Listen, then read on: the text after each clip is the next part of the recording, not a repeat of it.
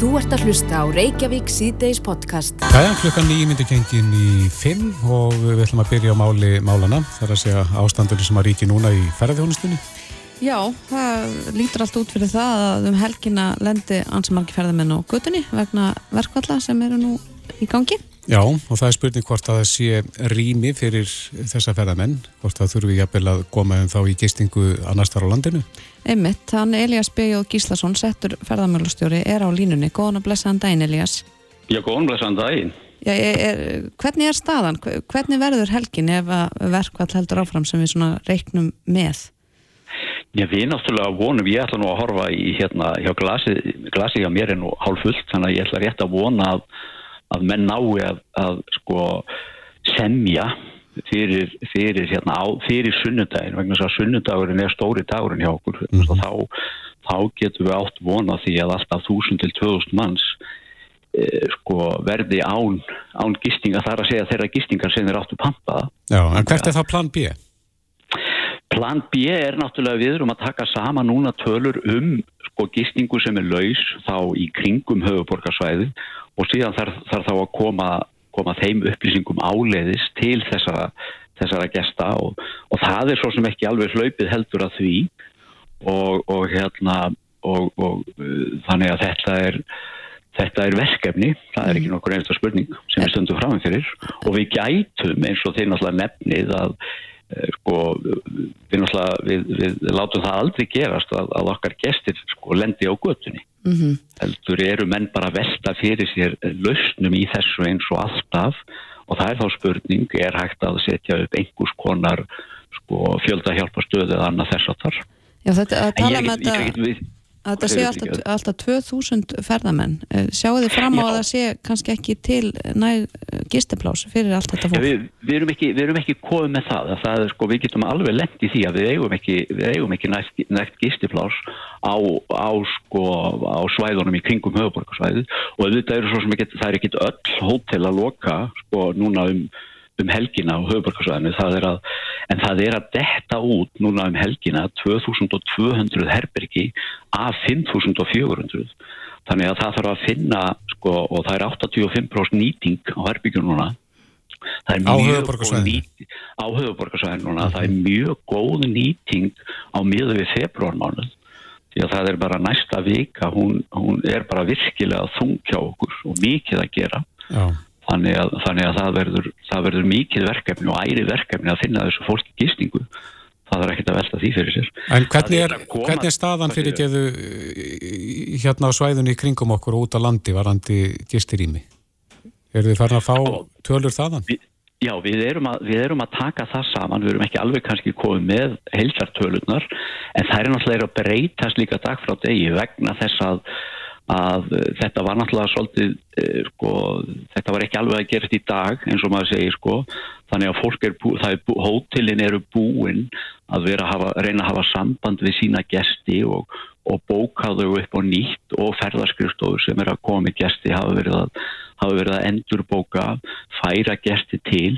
Og líka, svo erum við farin að sjá það að það er, það er tölverk komið af, af ábókunum að, en síðan er ekkert sko það, það er ekki það er ekkert hlaupið að því að ná í alla, það er ekkert allir sem að, að sko svara. Mm -hmm. eins og maður segir, þó að sé verið að senda upplýsingar á alla þessa gesti þá næst ekkert í alla og, og sumir líka bara eh, setja undir sér hausin og, og, bara ákveða að taka sensin og bara vonaðir, vonaðir finni gístingu þannig þetta er alveg klárlega verkefni vegna þess að á þessum sko í februar núna þá eru hér á hverjum degi við erum að fá inn til landsins svona um það byrj fjögur fjögur þúsund gesti, nýja gesti á hverjum einasta degi og þeir kannski dvelja í þrjá til fimm daga þannig að við erum með hér sko erlenda gesti um 24 til 28 þúsund á mhm. hverjum degi þannig að þetta er tölur fjöldi En segjum sem svo að það þurft að setja einhvers konar, upp einhvers konar neyðarskíli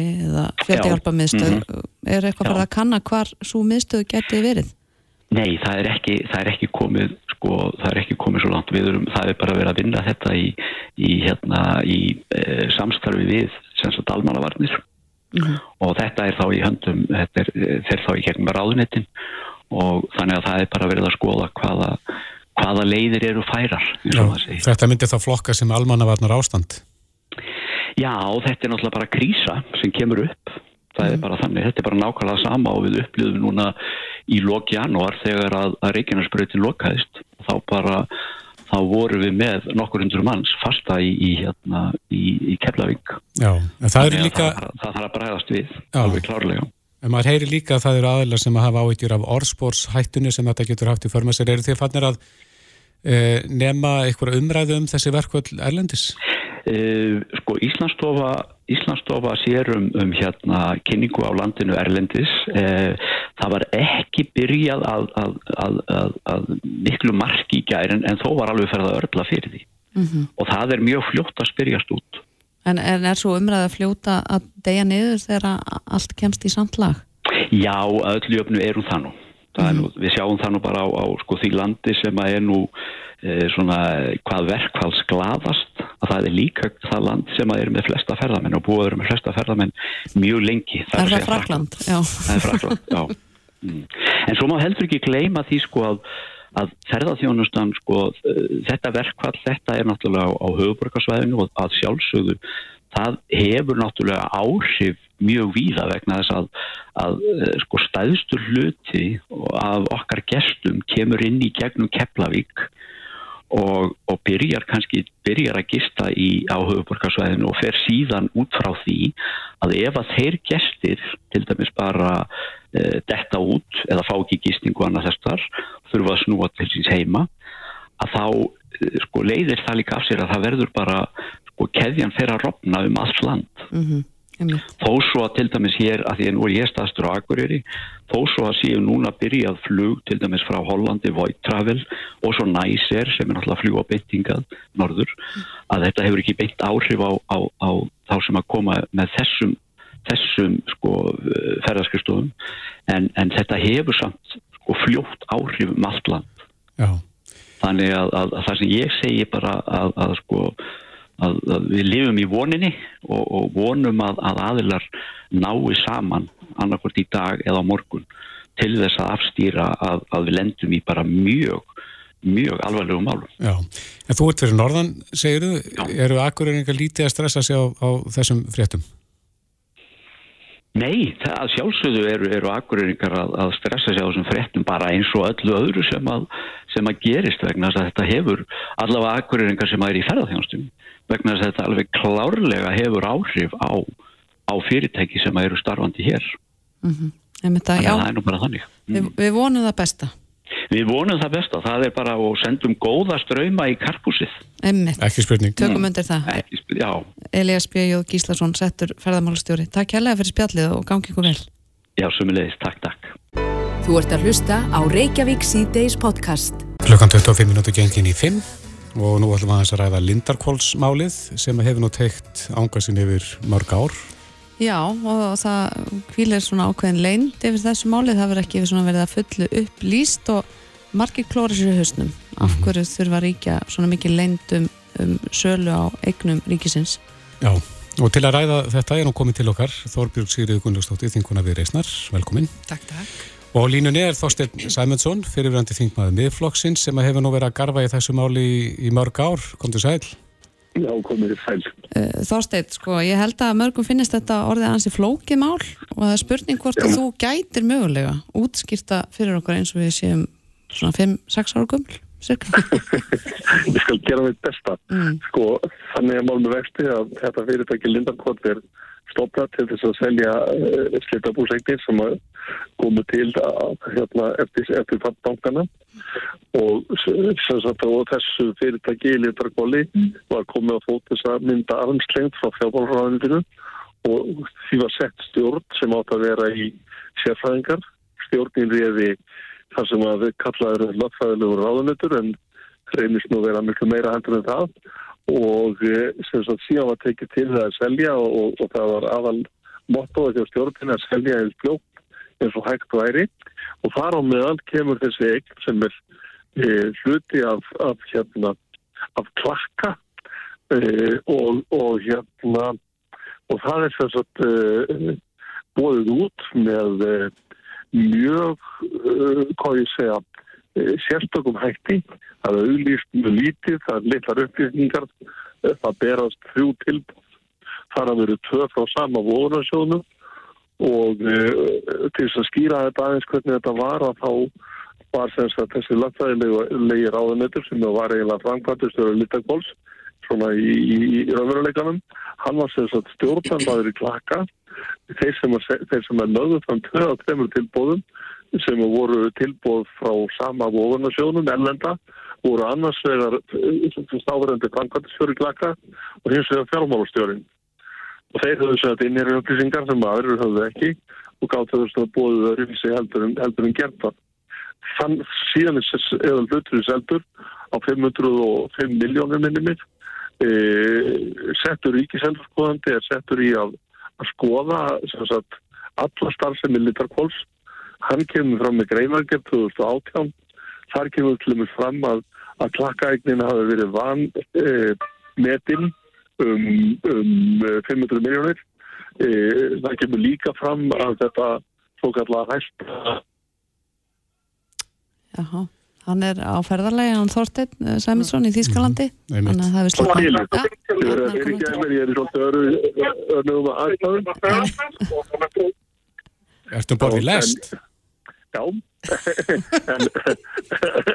En, en, en þetta var svona og, og, og Sigurður Þorðarsson kemur fram með, með þessa, þessa álipun mm. í greinargerð. Mm -hmm. og menn kolluðu greinargerðina vinnuskjald til það þurfi ekki að byrja það samkvæmt upplýsingalögum.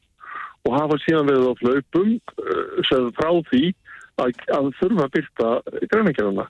Og eins og sé ég er búin að elda þetta mál í fimm ár og, og held því áfram það er nýkominn fram sagt, uh, það var nú málflötningur um daginn í hérastómi uh, þar sem að, þar sem að þeir sem að luti í lærahaldi í, í bóðinu á þessu sagt, eru, eru í máli við ríkisjóð og það kom í ljós að, að, hérna, að stjórnamenn fyrirtækisins Lindarkóls voru nánast ekki við meðvöndum þegar þetta var unnið og muni ekki neitt og þetta gerist. Mm og síðan er, er fórsætti alþingis nummið 2 í rauninni hann er núna orðinni einákvæður í fórsættinönd fórsættinöndi vill byrla þetta en hann situr á þessu eins og, og hundur við róð Já, yngraðans á línunni. Uh, Þorbjörn Sigriður, þú ert áherna fulltrú í fórsættisnefnd Ekki lengur, en var eh, á einum af 50 síðustu fundum þar sem mm -hmm. þessi mál voru til umræðu.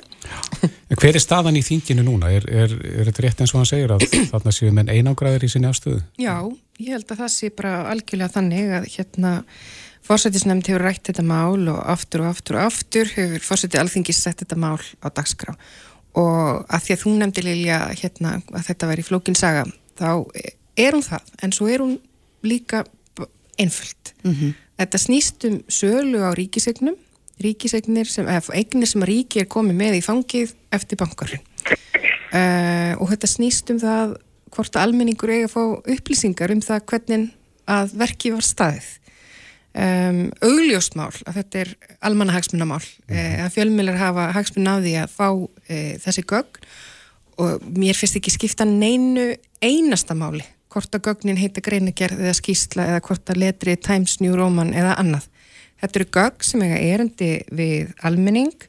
Fórseti Alþingis var búin að lýsa því yfir í hérna, vorið 2022 að hann ætlaði að senda fjölmjölum þetta og svo allt í einu breytist það. En, en af hverju er þessi mikla leint? Ég hef náttúrulega ekki séð þessa greinagerð þessa skýslu þannig ég veit það ekki. Mér finnst bara stóra, stóra elementi vera að það þarf alltaf að raukstiðja það og það þarf mjög þung rauk fyrir því að, að fara gegn meginreglunum gagsægi rétt fjölmila til aðgengisaðu upplýsingum og almennings sérstaklega þegar við erum að handla með úst, okkar fér almenningur átti þessar regnir. Um, þannig ég bara, ég skilða ekki. Hvað, hvaða getur verið sem að fær fórseti alþingis til að, að, að bara finna sig í því til dæmis að skamta upplýsingar ofan í þingið. Mm -hmm.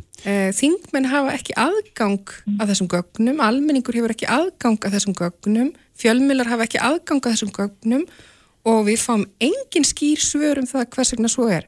Og mér langar til að bæta við að því það likur vist fyrir lögfræðálitum að það sé bara allt í miklum sóma með það að byrta þetta. En þegar að fjármálaráþra, Bjarni Benediktsson, uh, stóði því að selja uh, hluti í Íslandsbanka sem voru nú svolítið læti yfir fyrir ekki svo lengur síðan. Mm -hmm. Þá tók hann bara sjálfstæð ákvörðinu um það. Almenningur á rétt á því að vita hverju voru að kaupa. Því það er, það er ríki sem átti þennan hluti þessu banka sem var að vera að selja. Þar var með lögfræðálit sem var svona mælt í gegn því en hann bara ákvaði að standa með almenningi og þeirra rétti og tók bara sjálfur ákvörðinu um það að byrta upplýsingarnar og hann á bara að gera það sami þessu byrta þetta allt saman mm -hmm. Hvað segir þú Þorstein? Akkur heldur að ríkið þessi mikla leint yfir þessu máli? Já sko, ég held að það líkinu fyrir að eða mjög grunar eftir því að eftir að hafa gafað hann þetta mál að þessi aðtöða sendsigurar eh, sett svíkisendur skoðandar sem hann gerði við þetta mál sé ekki einstæmi, hann hafi gett eh, aðtöða sendu fleiri mál þarna inni og ég spyr mig núna í segni tíð þá spyr ég mig sko þannig að við að tala um eitthvað sem er miljardsvirði, selt fyrir halvan miljard e, eða 420 miljónir þegar allt er, e, allt er komið til hérna, skila e, þá er að selja þarna eitthvað fyrir 384 miljardar króna mm -hmm. og ég segi fyrst að þarna er svona pottur brotinn eins og ég segi e, e, hérna, stjórnum gjörsanlega spóandi e, setti allt sér tröst og á, einna einstakling sem var í kringum borðið allstaðar. Eh, þetta, þetta er ekki eins og við viljum hafa það og nú gengur náttúrulega vantanlega dómur eftir nokkar eh, vikur um, um sem sagt mála tilbúnaðin sem var í, í hérastómum daginn og þá sjáum við hvernig dómurinn lítur á þetta. En það er eitt sem ég vil endilega koma á framfæri í þessu öllu að það er það að með því að, að, að, að hérna fórseti alþingis heldur þessu frá fjörnum fulltrúum þá er hann að brjóta stjórnarskrárvarin rétt þingmanna til þess að hafa eftirlit með framkvæmdavaldinu og það er eina af aðstu skildum alþingismanna. Og alþingismenn eru náttúrulega eh, kostnir að setja í umbúði klósenda sinna, setja í umbúði þjóðarinnar. Og þeir eru náttúrulega skilirislöst að fá aðgang á þessu, þessu plaggi. Og ég hef búin að segja það áður, þetta segja það aftur það er ekki hægt að afgreða einaskísluna sem Ríkisendur skoði gaf út 2018 um þetta mál fyrir hann að búið hann að byrta greina gerðuna hann segur þetta með að þetta ber þetta saman og, og, og sjá í, í hverju efni þær eru þetta ósamstíða og, og þannig að alþingismenn geti lagt sjálfstætt mat á það hvernig þetta áfarinu hluti. Og ég tek undir við þorfjörgum mjög innilega að þetta eru eignir sem að þjóðin á og það á ekki að gangum það bara eins og menn lappin í kaupfélag aðeins sjálfur lapp út af þessu borga. Mm -hmm. Það er ekki svoleiðis. Nei, Þorbjörg, eh, verður þetta stórt mál að þingi núna þegar að þín kemur saman eftir kjöldamæðvíku? Já, að því að, minn er Þorstin nefnir að hann hafi verið að stúsa því þessu máli í, í fimm ár. Eh, núna sjáum við bara umfjöllun Sigur að sett ríkisendurskoðandi í þessu máli og hún er greinlega bara gróflega misbóðið yfir því hvernig framkoman í hans garð er. Mm -hmm. En þingmönum eru þetta líka misbóðið að því að fórseti alþingis á að vera fórseti alþingis. Fórseti þingsins alls og allra þingmana, hann er ekki fórseti sjálfstæðisflokksins í hagsmunna gæslu þeirra Þannig að ég á vona því að það verði mikið læti um þetta í alþingi ef þessu ófremdar ástandi fyrir ekki að linna og þessu gögn verður bara ekki byrt. Já, þú lagðir fyrir spurt fyrir Bjarnabenn. Já, já, ég gerði það og hérna vildi ég bara taka skref tilbaka og, og allt þetta tal um þess hvort að skýsla geti verið eina eða tvær eða hvort hún heiti greinagerði eða hvort að spásjan sé svona eða hins einn. Eh, hann tók ákvörðum það að veita almenningi upplýsingar um sölu á, á hlutnum í Íslandsbanka og gilda einhver önnu sjónamið í þessu máli og mér finnst það svo augljóst að svo er ekki. Það er líka rétt að, rétt að geta þess að fyrir hálfum mánuði sagði fjálmarður í Silvurinu að það væri ekkert í greinangerðinni sem fylgdi ekki dagsljósið. Mm -hmm. Þannig að, og þessum að skrifaði ég grein sem heitir komur frá fjálmarður að byrstu greinangerðina mm -hmm. og það er það, það sem hann á að gera. En svo er það þetta líka sjálfstæðarpunktur ef fjálmarður að segir þetta því þá er einhvern veginn hinliðin á þeirri sögu. Eða væri eitthvað slengt í greinagerðinu myndan þá ekki vilja byrta hana. Auðvitað er að það sem allir hugsa, hvað er eiginlega í þessari greinagerð fyrst við ekki megum sjá hana? Já, þetta er orðið svolítið grunnsanlegt til lengra sem líður, en, en er það þín tilfinning, Þorbjörg, að þetta sé svona þvert á alla flokka, er einhver á, á mótið í sérstaklega að þetta sé byrt fyrir utan það fjármálar? Ég hef ekki heyrt neitt annan þingmann, annan en dúið fjármálur á þeirra fórsætti alþingis verja þetta og skiljanlega er þetta mjög óþægilegt fyrir e, sjálfstæðsflokkin, sjálfstæðsflokkin sérstaklega, en ég myndi halda ríkstjórnflokkuna alla, en nei um, og mér finnst reyndar þetta að sé þannig mál að þingmenn ættu þvert á flokka verja alþingi og rétt alþingis til upplýsinga í þessum máli. Mm -hmm. Þorbjörg Sýrið Gunnlaugstóttir, þinguna viðreysnar og Þorstein Sæmundsson, fyrirverandi þingmaður miðflokksins. Eh, kæra þakki fyrir að taka þátt í þessu umræði með okkur. Takk, takk. Já, takk kærlega. Þetta er Reykjavík C-Days podcast. Já, þá er klukkan 8 minnur gengin í 6 og við ætlum að ræða hér um eldvarnir mm -hmm. um, ég hliði yfir leitt mín tæki og tól á nætunar Ég held að flesti gerir það Já, og ég er sko alveg við rúmið mitt sem er líklegast ekki sniðu teltur Nei, Ágúst Móðansson sérfræðingur í forvöldnum hjá Verði Tryggingafélagi, er mættu til okkar. Velkomin Takk fyrir. Já, þú skrifaði grein sem að byrtist inn á vísi.is í dag sem að það sem ferðaðins yfir þessi mál.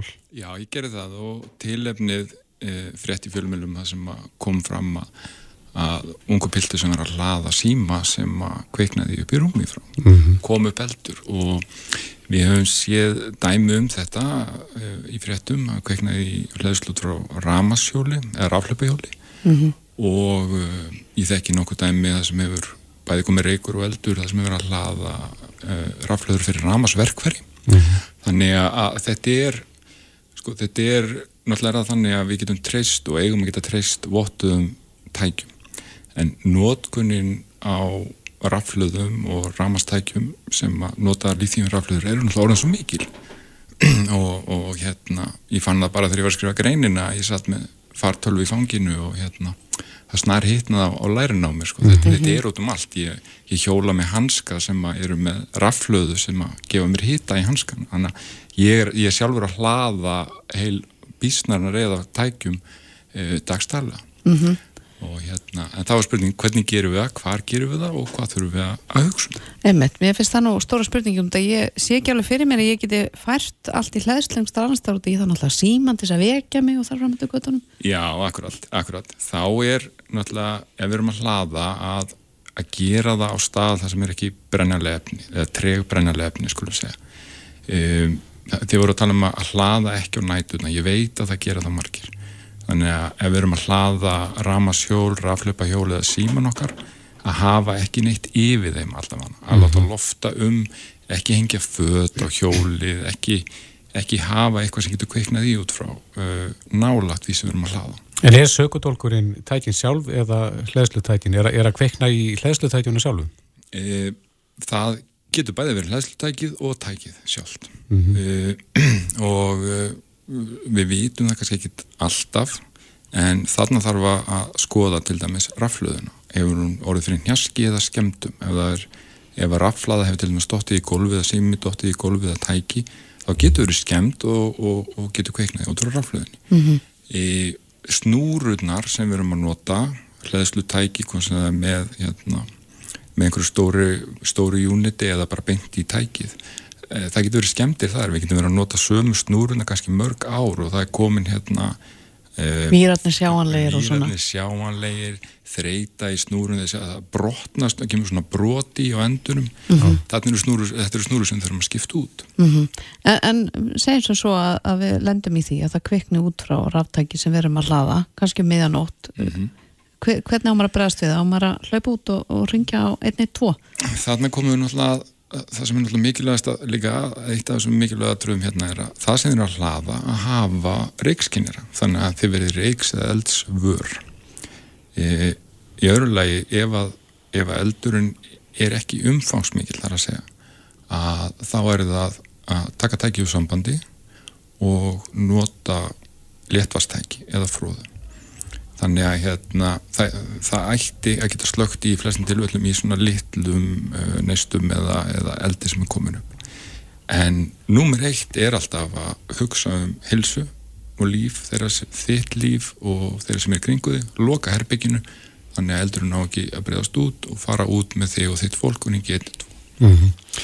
En e, eru varasumist aðstæðuna það sem að fólk er að setja sæng yfir hlaða kannski farsim eða, eða iPad eða eitthvað slíkt og upp í rúmi og sængi yfir. Já, ég held að að því að við erum bæðið með iPada og síma upp í rúmi mikið og, og jafnvel sopnum með þessi tæki að ef það er sæng eða kotti eða flík yfir þá verður mjög heitt mm -hmm. og, og, og getur komið upp eldur út af því þannig að já, ég held að þessi hárétti ára þetta eru svona, þetta eru varasömu staðstafnir Þannig að við megum hlaða á nætuna bara við verðum að passa hvernig við gera það e, Sjálfti er það er ekki, ekki mælt með því en, en ég, sko, við skulum bara horfast í auða að það eru nánast allir að hlaða á nætuna mm -hmm. gerum það þá bara þannig að síminin eða, eða síminin hann er bara á yfirborði þar sem er ekki, hann er ekki hulinn, það loftar um hann og, og helst að efni sem að síminn likur og ná séu steitn eða, eitthvað álíka mm -hmm.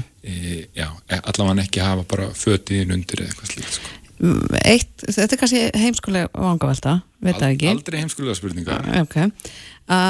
það, sum, sum er, er að kaupa sér svona snjall vekjara klukkur emitt þess að losna við síman úr herbygginu út af alls konar bylgjum og svo les og þá er kannski einhver svona hlæðslu stöð einhverstur á heimilinu, til dæmis í eldhúsinu mm. og öllu stungið í sambandi við nótt ef að kviknar í út frá einu tæki í svoleiðis stöð mm. getur það ekki skapað hans mikla hættu eða út með öll tækin á sama stað eða hvað? Jú, þú ert komið meira náttúrulega, það eru fleiri líþýjum raflöður þar og fleiri tæki þannig að ég held að það er því, jú, magnaðri eldur skulum segja, það er verið að eiga við hann mm. en, en, en en kannski á móti kemur að þessar græur eru sér hann að náttúrulega votaðar og, og hérna, ég myndi ekki gefa mig fyrirfram að þetta vera hættulegustu hættulegustu staðinir en, en ef eldurinn kemur upp já, þá, hérna, þá er þann meiri. Mm -hmm. Þú nefndir aðeins reikstínarana áðan. Já. Er best að hafa þá samtengta og sem víðast í íbúðin eða húsinu? Já, ég, hérna, ég, myndi, ég myndi segja það hafa það samtengta og, og sem víðast allstað það sem við erum með uh, möguleika á bruna eða brennalögum efnum mm -hmm.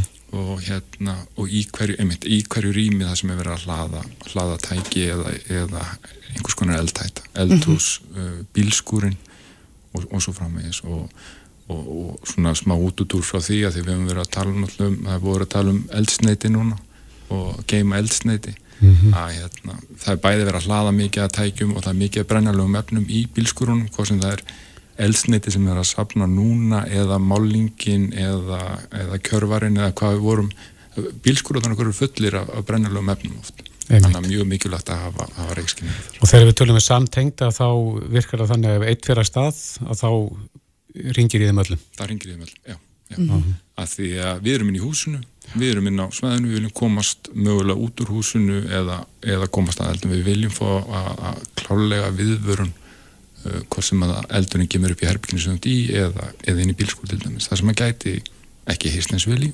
Mm -hmm. Erum við að verða betri að passa þessi mál þar að segja að hafa reikskinir í öllum herbyggjum og, og, og svona já, hafa okkur verð þegar það kemur að brunavöldum? Já, það er alltaf að vera meira og meira, meira vakning og hérna það eru samt uh, kannanir sem hafa verið gerða sína að við getum staðið okkur betur. En, en veist, ef við skoðum svona áratugina þá, þá mútti ég segja að við erum að vera betri og betri mm -hmm. Meðan það bara ekki rann betur eða hvað? Já, ekki spurning. Ágúst Móðansen, sérfræðingur í forverðum hjá Verði. Kæra þakki fyrir þessa hugveitju Takk fyrir mig. Þetta er Reykjavík C-Days podcast Já, áfram GAK klukkanar halv sex og við ætlum aðeins að velta vengum yfir yðnámi og hvernig aðsóknin er og, og hvort allir komist að sem vilja. Mm, já, það hefur verið skortur á því naðmönnum, mm -hmm. núna undan farin ár. Einmitt. Þeir hörfu margir e, út í buskan, má segja. Já, það er spurning hvað staðan er e, á náminu í dag. Hildur Yngvarstóttir er skólamestari tekniskólans og hún er sest hérna hjá okkur. Velkomin. Takk. Já, hvernig er aðsóknin? Komast færri aðein vilja? Það komast færri aðein vilja, en það komast samt í rauninni fleiri aðein áður. Það eru bara miklu fleiri sem sækja. Mm. Þannig að það hefur fjölga tölverst en hérna, sem er bara mjög ánægilegt og við erum með tölverst fleiri nefnendur sem er að læra hjá okkur en, en eftirspurnin hefur aukist enn hraðar enn intakan. En hvernig stýrur þessa eftirspurn að, að fólk fleiri vilji læra yðin? Ég held að sé bara margt sem skýri það, öflugt kynningastarf, uh, bara umræðan, líka bara að menn sjá, þú veist, hvað er atvinnleysi og hvað er ekki atvinnleysi, hvað er þörf, hvað eru mm. tekjurnar og uh, ég held að séu fleiri líka bara sem eru kjarkaðar að koma til dæmis bara beint og grunnskóla að, að fylgja því sem mm. þá langar til að gera og kannski bara fleiri mæður líka sem stiðja við krakkana sína Já, hefur það oft verið, verið þannig að krakkar hafa ekki strax til grunnskóla heldur reynda að feta einhvern veg sem fóreldarni vildu? Já, eða bara svona einhvern veg sem að ég veit ekki hvort það er alltaf endilega það sem fóreldarni vilja, bara einhvern, svona, einhvern típiskan veg sem heitir náttúrufræðibraut og þér eru allar leiðir opnar sem mhm. að og þetta er aðeins að breytast og ég held líka bara fólk veita möguleikanum að komast í háskóla, möguleikanum að taka stúdinspróf samhliða eða í framhaldinu og svo frammeðis.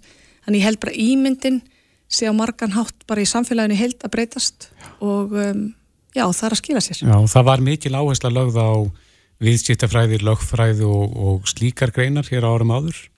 Vildu allir vera lögfræðingar eða viðskiptafræðingar? En, en þá sótti fólk ekki eins mikið í yngreinanar. Nei, vantalega ekki og þetta er bara eh, náttúrulega mjög ánægilegt. Ég held við vitum öll að okkur vantar allt námi gott en mm -hmm. í sumum greinum er búið að menta alveg mjög mikið af fólki og við sjáum það kannski bara best á þá mögulega atvinnlýsistölum en það er eins og allir samanlega um það að það vantar mikið af fólki í yðingreinar og bara þessar yðinstarfs og teknikreinar. Mm -hmm. Hvaða yðingreinar fremst meðal jafninga? Hver er, hver er vinsælust? Það eru, myndi ég segja, hjá okkur á húsusmiði eh, hérna pípulagningar mm -hmm. og rafingreinar hársnýttigreinar og svo er bara aukast verla aðsóknin eins og í múrin, þar hefur fjölga mjög mikið nefndum, það hefur fjölga nefndum í málaran, eh, líka í klæðskur og kjólasum og mm. þar er mjög ánægilegt að sjá að þar eru að fá einn fleiri stráka en áður verða svona fjölbreyttara nefndhópur. En hvað með stelpunar í hinugreinunum eins og smíðinni og pípulögnum og slíku? Þeim fjölgar og þær eru kannski eins og í pípulögnum eins og var þetta einu og ein en þær hafa alveg náð því að vera þrjára eða fjórar í einu og það er framför allt og hæg en það er samt að gerast. Í rafvirkjun hafa þetta kannski verið svona 8% núna sem eru stúlkur mm -hmm. og það er í mörg hundur manna mengi þá er það alveg orðið dalti þóttu vilju ná miklu lengra Um, Þannig að samsetning nefndahópsins er að breytast uh, svona freka mikið. Hún er að breytast, hún er bæða yngjast og líka aðeins að jafnast kynja hlutu en við erum samt rosalega langt í land en við sjáum það hvað hefur óbúslega góð áhrif að fá inn að hafa nefndur á báðum kynjum eða öllum kynjum, ætti öllu heldur að segja við erum bara svo vöna að mæla þetta í tömu kynjum mm -hmm. og bara til dæmis eins og í klæðskjur og kólasömi og í rauninni fataðinn sem er sérst uppafið að því að það bara gjör breytist einhvern veginn andin í eh, hópnum og, og, og til, til hins betra eftir að það fór að verða meiri blöndun. Mm -hmm. Það er allir sammála um það held ég bæðið nefnendur og kennar. En hvernig með forgangsröðun? Nú heyrum við að því að þeir sem eru eldri að þeir eru síður teknikin í skólan heldur en þeir sem yngri eru. Er eitthvað mörg þar? Sko, á liðinum önnum þegar að við höfum kannski náð þessu, þessari miklu aðsókn að þá er náttúrulega svona almennt ganga þessir yngstu fyrir og þá eru við að tala um í svona hefbundi dagskóla, bara nám sem fer fram á daginn, mm -hmm. en auðvitað fyrir þetta eftir greinum, ef að aðsóknun er ekki svo mikil, þá tökum við bara upp eftir öllum aldri, en e, e, einhverju hafa upplifað það sækjum einu sinu og jafnvel tvissar og, og hafa kannski fengið skýringuna þessi orðnur og gamlir, þeir eru sjálfsögur ekki orðnur og gamlir, ekki til lengdar en, en lenda þannig í því þá, en í sumum greinunum er verið að bjóða upp á kvöldnám eins og í húsasmíði, í pípulögnum, í rafingreinum og eflust einhverju fleiru.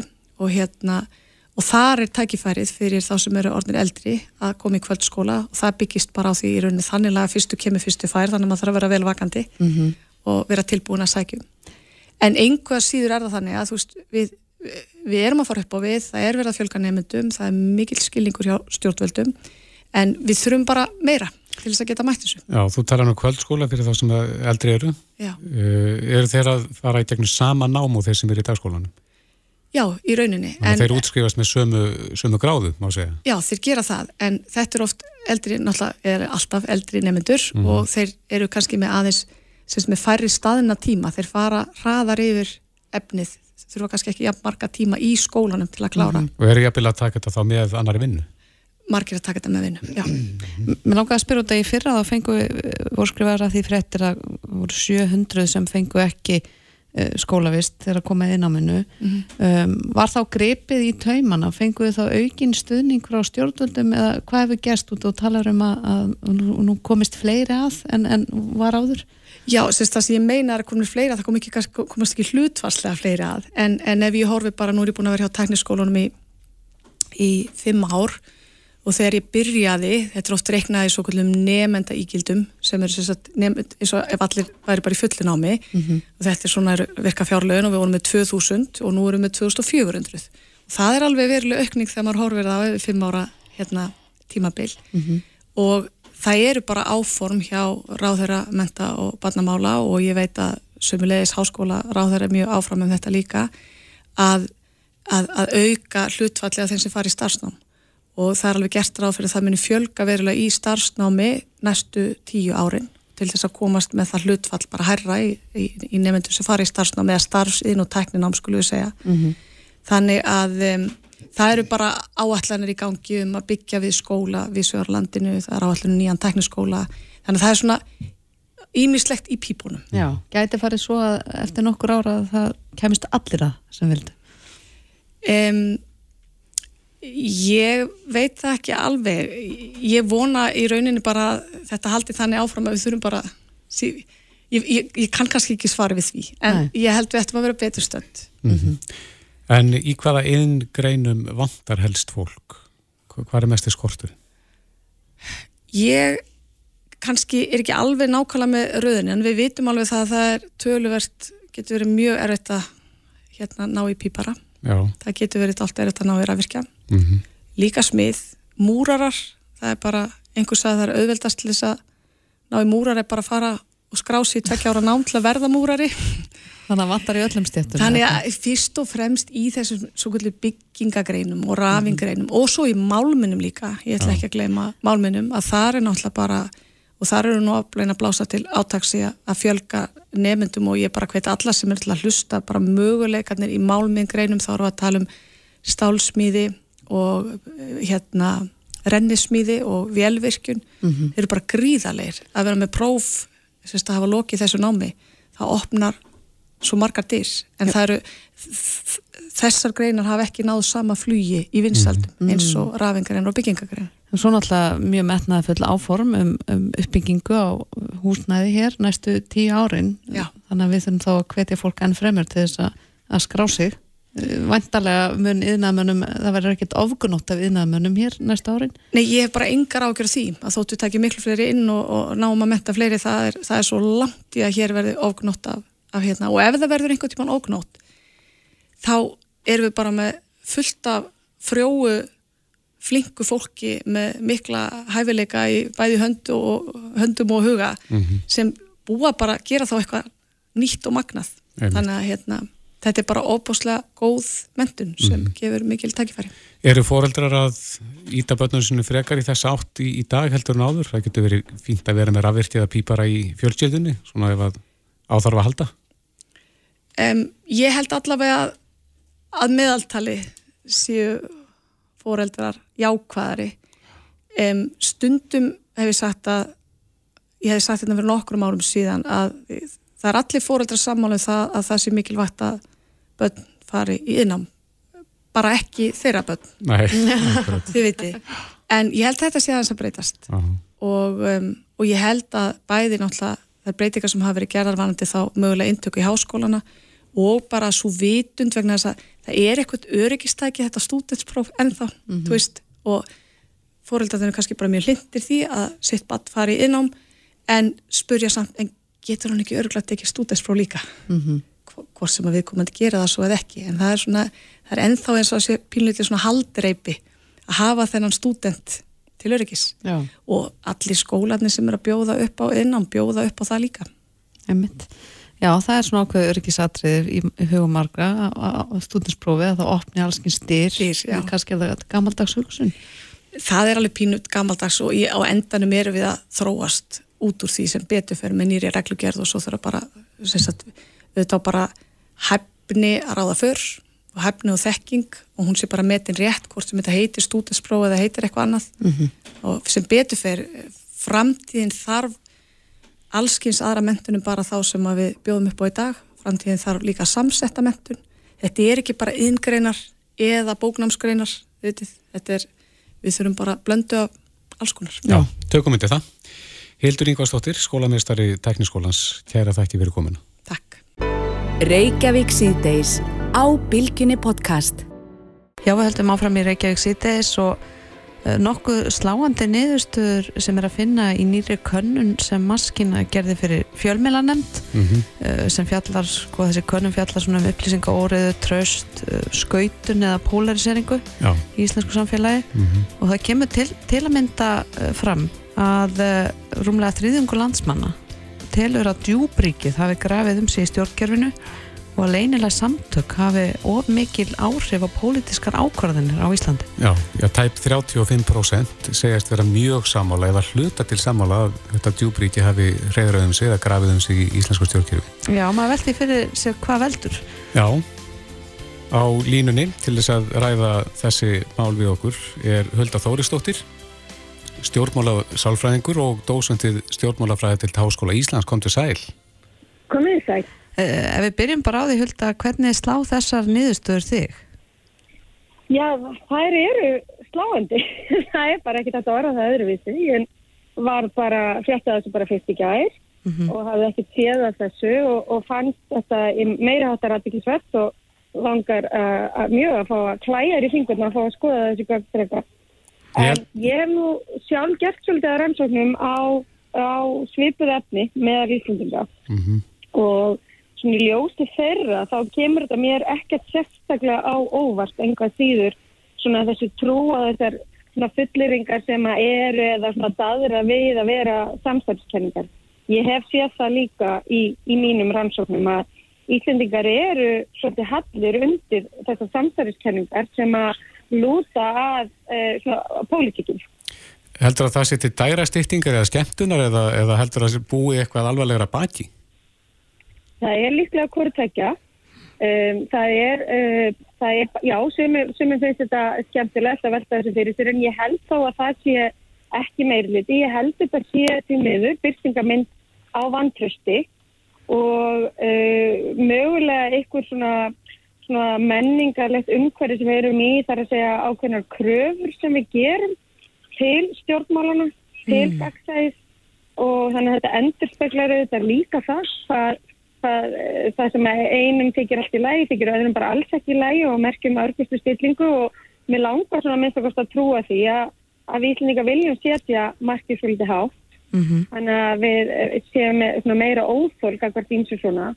En uh, það myndur örgulega sjálfsagt aðri sýsta hausinn við því og segja að við höfum látið ímyndilegt yfir að ganga og með mitt þess að móti mikið þól uh, en hérna en svona ímyndilegt sko sem hann til dæmis nefnt í gæð þegar var verið að ræða þessa niðurstur að það er smæð þjóðarinn að spila hér líklega eitthvað hlutverk mm -hmm. þekking á því sem er í gangi uh, svona insting í það um, hefur, hefur áhrif en við veitum líka að Íslandingar eru mjög svona lítið uh, lítið fyrir að daðra við samsverðiskenningar sem tengjast með vísundum og eins og kemur fram í, í þessari rannsókn að almennt trúa Íslandingar því að, að, loft, að línu loftslag sé að mannavöldum. Uh, það, hér er bara mjög lítið á samsæriskenningum í tengstum við COVID, bæðum upprið eða fórkjum uppruna vírusins með tengt bólusetningum. Mm -hmm. uh, það var þetta hérna en, en allar mælingar finnst að það var mjög, mjög lítið sluti almenning sem trúði þessu samsæriskenningum þannig að sem alltaf bendir til þess aftur að þetta tengir fyrst og fremst stjórnmál sem er sannarlega aðtækisverk og áhugjörn. Já, maður hefur svona svolítið haldið kannski að þessar samsælskenningar eða þeir sem trú á þær hafi verið á jæðrinum en, en þessi konun sínir eiginlega þvert á múti. Já, og það er svona, við sem hefum verið að rannsaka samsælskenningar í, í allmörg ár, veitum vel að það er bara ekki rétt að samsælskenningar þrýfist bara á jæðrinum. Það eru bara mjög útbreyttar og nánast hver einasti maður trúur að minnst okkar einni samsverðiskenningu og vitanlega er samsverðiskenning einn algjör sannleikur annars þannig að, að fólk náttúrulega sjálf með segir já ég trúi þessari samsverðiskenningu það segir auðvitað bara ég trúi þessari staðurinn Já, uh, en Hulda heldur þú að algoritma samfélagsmiðlana sé að eitthvað litum að kenna að ákveðna skoðunum og hugmyndu sé haldið að fólki á samfélagsmiðlanum? Sko við höfum sannilega dæmi um það, fólk eins og sagt er falli og í kanínuhóluna og það algoritmin eins og út á YouTube og þú fær sífælt svona yktari myndbönd og endanum eftir komin í einhverja algjör af fyrringu.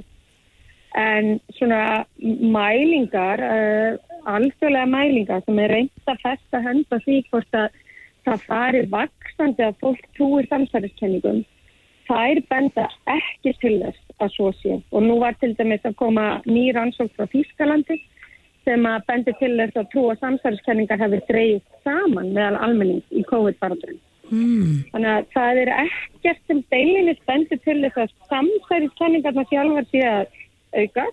Hitt er annað málu sem fjallaður um í þessari skýtlu og það er með polariseringun og hvernig fólk upplifir um, umræðina og, og hvort það myndist meiri anduð á milli hópa. Eh, það getur auðvitað verið að gera svona algoritmans í á samfélagsfæli. En það er einmitt fórundarlegt líka að sjá að til dæmis eh, varandi þessa umræðu og umræðu hefðina mm. að við stöndum mm. okkur eh, talsveit mikið verð en hinn Norðurlöndum til dæmis. Já, það verðist vera að sanga þessu að minnst okkur verður Norrögur. Uh, auðvitað vil maður rína betri í eins og mér fótti mjög skemmtilega mælt í gær þegar að vera að ræða þetta niðurstöð og var hann að tala um að auðvitað þurfum við að vita hvað fólk er að hugsa þegar það svarar þessu. Svo við, sko þegar við segjum við, þá er að tala um íslitinga hittari könnun, mm -hmm. segjast að það orði e, fyrir að orði vör við hatur orðað af netunum. Þá er ekkert vist að við íslitinga síðan að leggja sama skilning í það og kannski norðmenn. Vegna þess að hatur orðað að við förum í nákvæmlega skildrunning og því húttæki, þá er það mjög, svona, mjög ykt og ákveð skilgreins ummæli. Það er ekki bara neikvæð leiðindi eða verið að nýta í einhvern annan á netum. Uh, þannig að það er spurning svona hvað fólk hefur í huga en alveg burtið frá því það er alls ekki hægt að skýra í burtu allar þetta niðurstu með einhverju svona aðferðarfræðilegu vangaveltum. Það er alveg augljóst að hér er eitthvað í gangi sem við þurfum að rannsaka frekar. Emmett, hvert er svo framaldið sko í, í svona þarf að rannsaka frekar þarf að grýpa til einhverja aðgerða, forvarna? Ég held já að við þurfum sannlega að standa okkur betur í að fræða bæði unga fólkið okkar og okkur hinn sem eldri eru um bara borgarlega höfðun á netinu, um siðferð á netinu og hvernig á að taka oss í, held að við bara eins og svo margar aðra þjóðir erum alltaf bara að læra inn á þetta og, og reyna að finna út úr því hvernig er best að ala okkur upp í þessu. Já. Þannig ég held við þurfum sannlega að gera það. Hitt með pólitísku samsæðiskenningarnar, uh, mögulega tengist þetta náttúrulega eitthvað svona ákveðinu vantrösti sem ásýr stað til stjórnmáluna í Íslandi sem að hrundur svo eftirminnilega við efnaðsfunni árið 2008. Það má samt ekki gera ómikið úr því vegna að allar mælingar síðan sína að það hefur verið uppleið þó það hafi ekki náð alveg söma hæðum og það var í árið 2006 eitthvað svolítið, þá er það komið enn til nálagt í og margar aðrar mælingar á íslensku samfélag og viðforum eru mjög jákvæðar. Er eitt hægsta félagströst í heimi. Það er að segja hversu mikið við tröstum bara náunganum og, og trösti stjórnmáluna er frekar hátt á alþjóðavísu. Mælingar á fordómum í garðlindamins útlendinga og viðhör til útlendinga Þau eru í stóri alþjóðlegu konum sem við tökum þátt í Íslandingar. Þau eru minnst á Ísland af öllum þjóðum og hafa verið oftar enn einu sinni. Þannig að það er margt mjög, mjög jákast hér í gangi en þetta svona vantraust í garð, eitthvað skonar óskilgændra abla, kemur kannski frá okkar sögu að díla við þessi áru dveginn sem hefur þetta komið upp að miklu abli hérna undanfjöldum árum. Eitthvað slíkt, það mögulega er að, að spila hér inn og kannski, og það er eitthvað sem þurftum að rannsaka, kannski er þetta spurningum væntingar. Mér langar svona stundum að trúa því en ég hef ekki rannsakað, en ég hef ekki svarið því. Nei, já, þetta er eitthvað sem þarf að rannsaka frekar en það er nú stundum talað um miðlalæsi að þegar að við erum að tala um börnin okkar en kannski já. þarf bara að kenna þjóðinu svona í heilsinni, miðlalæsi. Já, það er engin spurning að, að hérna, við náttúrulega sem eldri eru fengum aldrei neina sérstakka þjálfunni því við teljum okkur auðvitað að kunna allt saman en rannsóknir sína að það er ekki endilega svo Þannig að já, það leikur enginn vafa því að, að við þurfum að læra það. En það er bara ítrekkað sem ég sagði því rétt á þannig að það eru allar þjóður að glíma þetta og það eru allar þjóður að læra á, að læra á þetta og, og það er þetta svona með skára móti hér á Norðurlöndum að öllum löndum í heiminum og við erum þá kannski bara í, í farabrötta að reyna að taka á þessu og, og, og þá Norðurlöndin hinn komin lengur en við þannig að við getum vonandi lægt af þeim. Mm -hmm. Þannig að við þurfum að taka þetta alvarlega en líka minn okkur á við erum alveg ágætt líka. Já, það ekki. Það er ekki ágætið súmering. Já, engan sjálfbyrging þá sko, við séum alveg með þetta, það er áfram frá, en það er mjög góðan grunn til að byggja á. Einmitt. Hulda Þóristóttir, stjórnmála sálfræðingur og dósendi stjórnmálafræði Háskói Íslands. Takk hérlega fyrir spjallið. Takk sem er leiðist. Reykjavík síðdeis á Bilginni podcast. Uh, ungi sjálfstæðismenn hafa hafið svona nýjan lið í sinni dagskrá sem er mhm. kvöldspjall Já.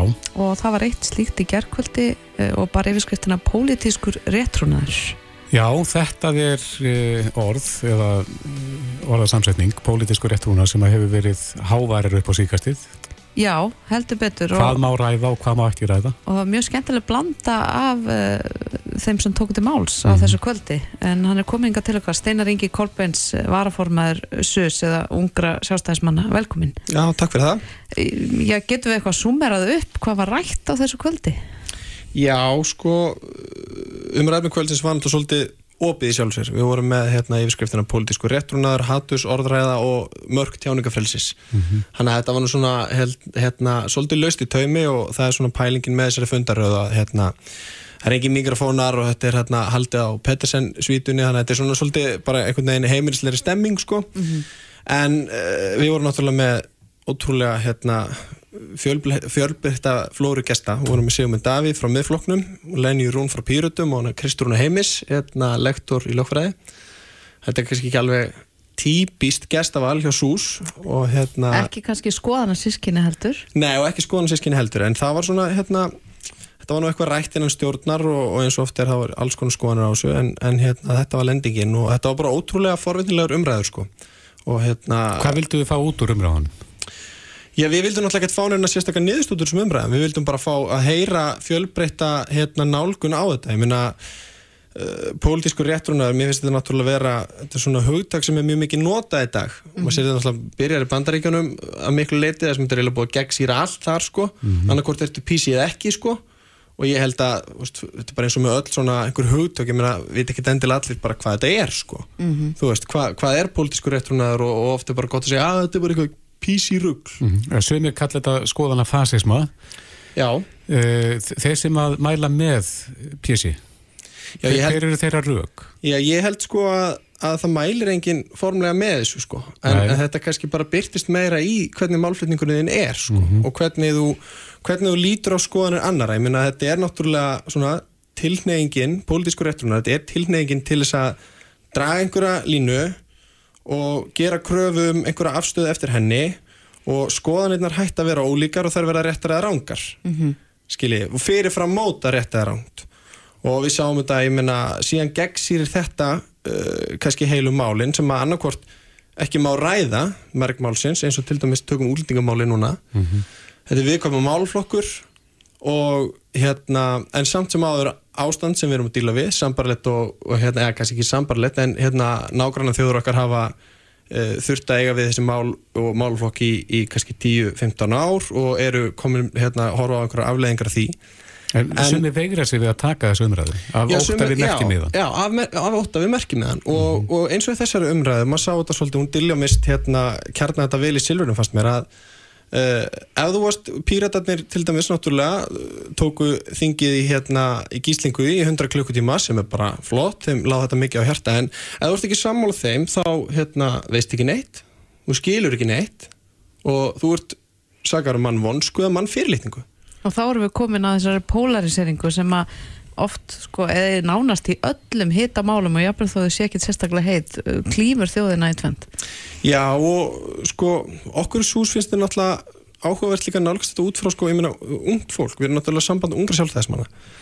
Og svona andrumsloft og umhverfi, ég meina þetta byrtist okkur náttúrulega kannski skýrast á Twitter og þessum samfélagsmeilum hvað þetta heitir allt saman. Og svona umhverfi, það er ekkert mikið ráðrými fyrir mistök ungt fólk sem er að kannski feta sig í samfélagsleir og pólitískri umræðu reyna átt að sjá þau hver eru mína skoðanir gagvart hinn og þessu? Uh, koma einhver stór mál upp og hérna ávilja einhvern veginn geta sett sér inn í þetta. En það gegn sýrir svolítið alla umræðu að þú voru nú passaði samt að vera á réttri skoðun sko. Og hver eru afleðingarnar þessu? Ég meina, jú, fólk hættir að tjá sig fólk hættir að mynda sér sínar eigin skoðanir og fer bara að hafa áhyggjur af því hvort þú setur réttri skoðun eða hvort þú setur rángri skoðun. Mm -hmm. og ég meina, auðvitað er náttúrulega langt besta leðin til að finna út úr hvaða raung skoðun að blast henni fram. Og hendin út í loftið. Síðan verður bara einhver umræð það verður eitthvað debatt. Og ef að fleiri afneita þessari skoðun heldur en hérna ekki þá er hún raung þá búið að ræða hlutin í gegn og þetta er raung skoðun að því að, að, því að almennt eru er fólk ekki á þessu sko. Mm -hmm. þá dregur þess að línu fyrir umræðuna það hefur bara ræðilegar afleðingar og eins og í öllu þá, þá endur við bara einhverjum öfgum. Mm. Þannig að við draugum línuna fyrirfram og þá erum við bara sjálfkraf búin að útrýma allri umræðu sem getur farið fram. Já, gringana verulega að mista kosti. Mm -hmm. tala nú um að þú mátt ekki ræða hlutina. Ef, ef, ef að fyrirframdir einn lína og það er ákveðinni þættir hérna ymsum mála sem ekki má snerta á Er þetta hættulegt líðræðinu? Já, ég er nú kannski, þú veist, ég ætla ekki að setja mér stöðu fræðmanns hérna og, og fara hérna að rausa um það. Ef að fólk getur ekki diskuterað uh, nálefni líðandi stundar af, af ókta við, við Já, ég, mynd, ég, myndi, ég myndi segja það, ég myndi segja það. Þetta, þetta, sé, þetta, er, þetta er allavega, þetta er ekki styrkleikamerki í líðræðisamfélagi að það megi gera hlutina. En þá nú líka beinastu að spyrja í þessu kvöldspjalli í gerðkvöldi, var hægt að taka umræðu og ræða málum? Já, þetta var nú, hérna, ég let nú vita því fyrir fram að ég, hérna, ég er því ansi erfiður á, á bjöllunni ef að, ef að hérna, menn myndi fara yfir tíman og svona og þetta fór allt saman mjög vel fram og hérna, og það var bara ótrúlega skemmtilegt að sjá, hérna, fólk sem að, hérna, almennt ekki sammóla áhöröndunum, sko, og allavega ekki, ekki skoðan sírkinn okkur öllu leiti og líka með mismunandi skoðanir. Og þetta var bara, þetta fór mjög vel fram og ótrúlega skemmtilegt, var verið að tala um hérna, einmitt, þetta sem við verðum að tala um. Er þetta hérna, stafar líðræðin og ógna þessu ástandi? Mm -hmm. uh, svo hérna, ymsi punktar um, ég meina uh, málfrælsi eins getur náttúrulega hérna sært aðra og allt þetta og hvar liggja all þessi mörg ég meina við erum með einhver, einhver lög um, um hatusvarðræðu og, og einhver hérna dómafortam fyrir því, það var komin á það líka Þetta var nú hérna, tengt inn á, á málflokkar á þess míns með lofslagsmálin, hérna, hvort það væri bara, hérna, það sé bara einriðt skoðum þar og svona. Þannig að þetta var, það var farið við víðanvöld en eins og þessi umræðefni var í raunin svolítið uh, löst í alla, alla enda sko. Þetta var bara svona yfirskriftin og svo fengur bara allir sína þryggja minna framsögu. Svo voru hérna einhverjar velvalda spurningar sem ég fór með svona fyrir hann stjórnarinnar og svo komur spurningar á sall. Mm -hmm. Lærður eitthvað á þessu spjalli? Já, ég, jú, maður læri náttúrulega alltaf eitthvað, maður er alltaf að læra eitthvað, en hérna, ég er allavega tölvört fróður um hvað þeim fannst um þetta og, og það er líka bara, það er líka bara holdt fyrir, hérna, held ég, ungliðarhefingar, hérna, sús náttúrulega langstæst á uppljósta ungliðarhefingin og við erum kannski svolítið oft bara, hérna, við erum náttúrulega í góðu sambandi við okkar fólk og maður er svolítið oft bara, hérna, í sínum helli, en það er líka bara svo holdt að geta speklað, sko, sína eigin skoðanir í hinnu, sko mm. þú veist Þannig að uh, þeir sem eru eldri orðnir, þeir getur kannski lært eitthvað af ykkur þá Já, það var nú reyndar, það var nú reyndar, það var reyndar svolítið góða punktur í gæri, þess að maður komið að vera að ræða það, hérna, þessi pólitíski réttrúnaðar væri búin að snúa þessu öllu upp í andhverju sína og nú ætti fullorna fólki að fara að læra börnunum að því að þau veitir betur hvað er rétt og hvað er ránt, sko. En jú, jú, ég minna, get ekki bara allir lært af öllum. Ég held að það sé, ef, ef við erum með opna á góð umræðu og allir hafa, hafa frelsi og rétt til þess að tjá sig skoðanaskipti getur verið heilbrið mm -hmm. og það sé ekki dregin fyrir fram þessi línaði sandin, þá held ég að jú, ef að menn eru með temmilu opin huga þá geta allir lært eitthvað á öllum sko. Hvað ætlaði að taka fyrir næst? Herru, við erum hérna, nú, það er nú ekki búið að ræða þetta almenleina stjórnar en, en augun voru hérna, minni minn næst á umhverjusmálum, ringrásarhagkerfinu og einhverju því tengdu mm -hmm. en það er ekki búið að festa það alveg niður. En þetta er opið öllum? Kvöld, þetta er óböðlum, já, já, óböðlum við, hérna, ungi sjálfstæðismenn vissulega meira hluta, en það var nú gaman í gæra að sjá það voru, hérna uh, menn sem voru í sús fyrir 30 ára síðan sem að mæta á þennan viðburð. Það voru einhverjir úr öðrum flokkum, ég held mér að án þessi fullir það, einhver úr ungum sósialistum sem mætti og líka síðast sko. en sá er mjög duglegur að mæta mjög víða á, á alls konar pólitíska viðburð og það finnst mér alltaf frábært. En þetta er óböðlum og við bara því fleiri því betra sko Já, glæsilegt. Það er þetta að fylgjast með þessu á Facebook síðu ungra sjálfstæðismanna en Steinar Ingi Kolbens var að formaður SUS. Takk hjálpa fyrir spjallið. Takk fyrir mig. Hlustaðu hvena sem er á Reykjavík C-Days podcast. Við þreytumst sent á að tala um íslenskuna. Réttar það. Og mikilvæg íslenskunar og ég veit að margir býðir til að fá íslenskuna inn í snjalltækin til að tala við. Emmitt, sko þessu tengt þá rákum við augun í frétt eh, inn á mbl.is um íslenska lestrar og málörfunar forritið orðalíkil mm -hmm. og það verður á næstunni aðgengilegt ógefis í helstu snjalltækjum til að nota heima og í skólanlandsins. Já, en það er spurning hvað gerir þetta forrið orðalíkill? Hann er komið til okkar Jón Gunnar Þórðarsson, framkvæmdastjóri Músíla. Er þetta ekki rétt borðið fram? Jú, það er bara með allir segja Músíla hvernig sem þau vilja. Já, velkomin. Það takk. Segð okkur aðeins af þessu forriði, hvað, hvað gerir það nákvæmlega? Já, forriðið kennir undirstöðu þættir lesturs mm -hmm. og læsi og er unnið í góðu samstarfi við talminna fræðingarna Ástildi B.S. Norradóttur og Bjartei Sigurðardóttur og þannig að þannig er verið að auka orðaforða, hlustunar skilning og saman þá að eigur þetta og styrkir vinsluminnið. Mm, er þetta þá aðalega fyrir börn á leikskólandri? Þetta er fyrir öll börn sem er að byrja að læra að lesa og þetta er bara nýjung í þessu og, og skemmtilegt og aðgengilegt og, og að nálga spörnin í gegnum leik mm -hmm. Hvað gerir fóriðið sér? Ef lýsið þess við okkur börni fara og, og opna fóriðið og hvað gerist þá? Þá getur við valið á milli eh, mismunandi sena eða eh, aðræða til að sæfa það í og þú getur þá þá æfuru máltæknina með því að, að fyrsta að benda á orðin eða að draga orða á rétta staði mm -hmm. og mhm. svo að svara spurningum mm -hmm. uh, hvað eru, eru sjö naklar á myndinni og þú fer að telja og svo að taka á móti fyrirmælum þú hlustar og svarar mm. ekki leiðið barnið áfram já, leiðið barnið áfram uh, þetta er svona lærdómslína svo er mhm. önnur uh, að leika lína í fóritunum það þarf líka sem að, já, þar sem hefur verið að taka mútið spurningum, það er að læra í, uh, í gegnum söng, að læra að lesa í gegnum söng og syngja á saman tíma mm -hmm. uh, það eru orðasúpur og orðaleikir og bara endalust mikið af góðu efni. Það hefur einmitt verið talað um það að, að börn séu kannski ragari við að setjast nefn með bók út af svo margt annað í bóði, þannig að það lítur að vera samt svolítið vandarsamt að búa til svona forrið og halda því skemmtilegu og þannig að börn haldist við, sko.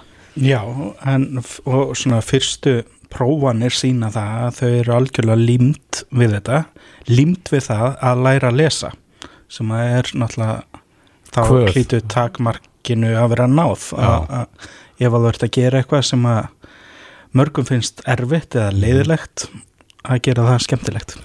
Já, að börnir líti ekki á þetta sem, sem kvöð. Nei, akkurat. Og ég menna ég, uh, Já, og síðan ára stelpur núna í fyrsta bekk í, í grunnskólum, lands, uh, í, í grandaskóla og, mm -hmm. og við erum að taka mátir lestra bókum og það er uh, akkurat að, að við erum að, að læra að lesa heima en, en náttúrulega þessa bækur að það er ekkert mikill sögutráður heldur í þeim sem þegar þú ert að læra ha ha hi hi og, mm -hmm. og þetta en uh, í þessu appi þá ert að takast á við að, að hlusta og svo fara spurningar um hvað þú varst að heyra mm -hmm. þannig að þetta, það er ekki bara að læra að lesa hversu mörg orð þú nærð á mínútu sem að skipti máli það er leskilningurinn og hvort þá skilur það sem þú ert að lesa eða heyra Ég, ég, ég mynda mig líka út að þetta er náttúrulega smáfóritt sem er auðvelt að, eða kannski ekki auðvelt að uppfæra en það er mögulegið að uppfæra það út af það sem hefur líka verið gaggringt er að bækur sem að grunnskóla börn í þessum fyrstu bækjum fá heim eru orðnar eldgamlar og ekki sérstaklega áhugaverðar. Já, með sömu bækur og við vorum með þegar við vorum lítill. Mm -hmm. þannig að, nei, þetta er náttúrulega fegurðum við snjáltæknina að við getum uppfært jafnóðum og þar með þá á námsefni að vera algjörlega í takt við tíman í dag og af hverju eru við ekki að, bæ, uh, að bjóða upp á það besta í nýsköpun í dag fyrir börnin okkar í mm. skólakerfinu. En hvernig kom það til að, að börnin fái frían aðgang að þessu? Það er uh, út frá því að við gáfum Músula Wordplay, ennst uh, lestrar og, og málörfunar app út í fyrra í, í apríl þá í Bandaríkjónum og Breitlandi og það er í góður nótkunn en á sama tíma þá náttúrulega bara jógst eftirspunnin eftir þessu á Íslandi og kennar fór að spyrja út í þetta. Og á samtíma við erum búin að vera að reyna að selja til skólana á Íslandi í töluvana tíma þá vitum við líka að skólakerfið er fjársvelt mm -hmm. að það er ekki peningar til staðar. Þannig að, að, að draumurinn okkar er að jafna aðgengi allra barna að hákja það námsefni en til þess þá þurftum við að fá, þurftum við að fá styrki og leitiðumst á eftir styrkjum frá fyrirtækjum og hagkaup af fjórir og mjölkusamsalan komi inn í þetta með okkur og, og gera það að, að þetta veruleika til þess að hafa þetta bara frít. Og, og, og hvenar fer þetta í lofti þessi, þessi ókipis aðgangur að orðalikli? Annan mars. Annan mars og þeir sem að svona smálendarmál en þeir sem að sko leita þessu appstór þá ættu þeir að geta fundið þetta líka. Þannig að, að, í þessum Eh, snjalltækni heimi þá er svo mikilvægt að koma þessu í loftið byrja að prófa betur og bæta og við erum akkurat í því núna þannig að þetta er opið. Já, nú, nú þegar.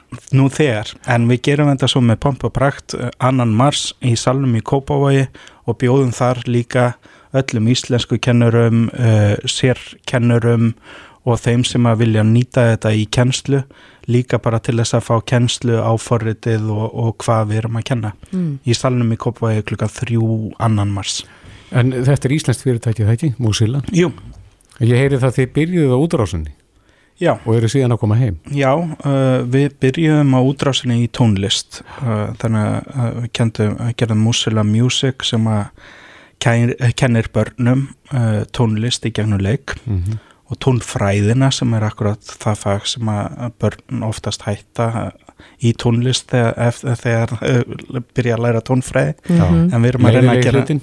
já, þannig að leiðilegi hlutin. Við erum að gera leiðilega hlutan skemmtilega uh, það er núna til á 37 tungumálum og er, er uh, á App Store og Google Play og allir og, og svo kom músilega Wordplay og núna orða líkillin og, hvað ætlaði næst hvað leiðilega hlut ætlaði að gera skemmtilega næst? Við ætlum að, að næst út frá orðaliklinum að þá erum við búin að sjá mikla þörf fyrir íslensku kjænslu og ekki bara uh, fyrir börnin en það er mjög mikilvægt að læra að lesa og þetta kallast nefntæki í hlutun að takast á vandamálun og áðurna að verðum vandamál þannig að, að kenna börnunum nægilega snemma uh, undirsteð þætti læstus.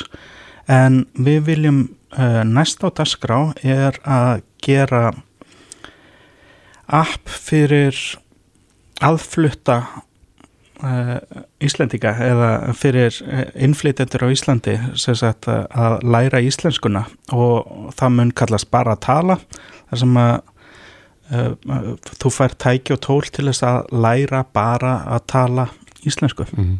og það er hugsað fyrir vinnumarkaðin að 20% af, af uh, fólki á vinnumarkaði eru aðflutir er erlend, erlendir á uppruna og, mm -hmm. og það vantar tæki eða tól til þess að kenna þeim íslensku og þau eru mörg búin að gefast upp á þeirri íslensku sem að, kennslu sem er í bóði. Já og íslenskan er líkillin að samfélaginu.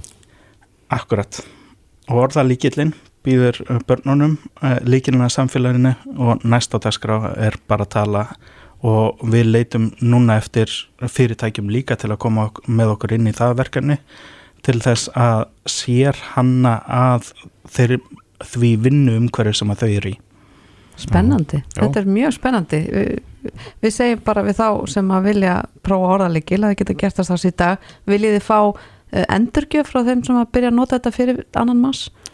Já, bara endilega uh, það er hægt að, hægt að senda okkur á musila.musila.com og, og svo fyrir alla sem að vilja leggja okkur lið að, að hafa bara beint samband við mig á jónatmusila.com Einmitt það. Jón Gunnar Þorðarsson, framkvæmtastjóri Músila, takk kærlega fyrir spjalli, gangi ykkur vel. Takk, takk. Já, við erum að gera tíkin á App Store og leita þessu. Heldur betur, en uh, nú verðum við að hvaðja, það er komið að kvöldfréttum eftir skamastund. Já, við erum að nálgast endamarkið, eh, Lilja Bræi og Kristófi þakka fyrir sig og við minnum á það að við tölinn eru náttúrulega komin inn á vísi.is Já, uh, við verðum hér klúan fjóra morgun og vonum að þið njóti kvöldsins. Reykjavík síðdeis á Bilginni podcast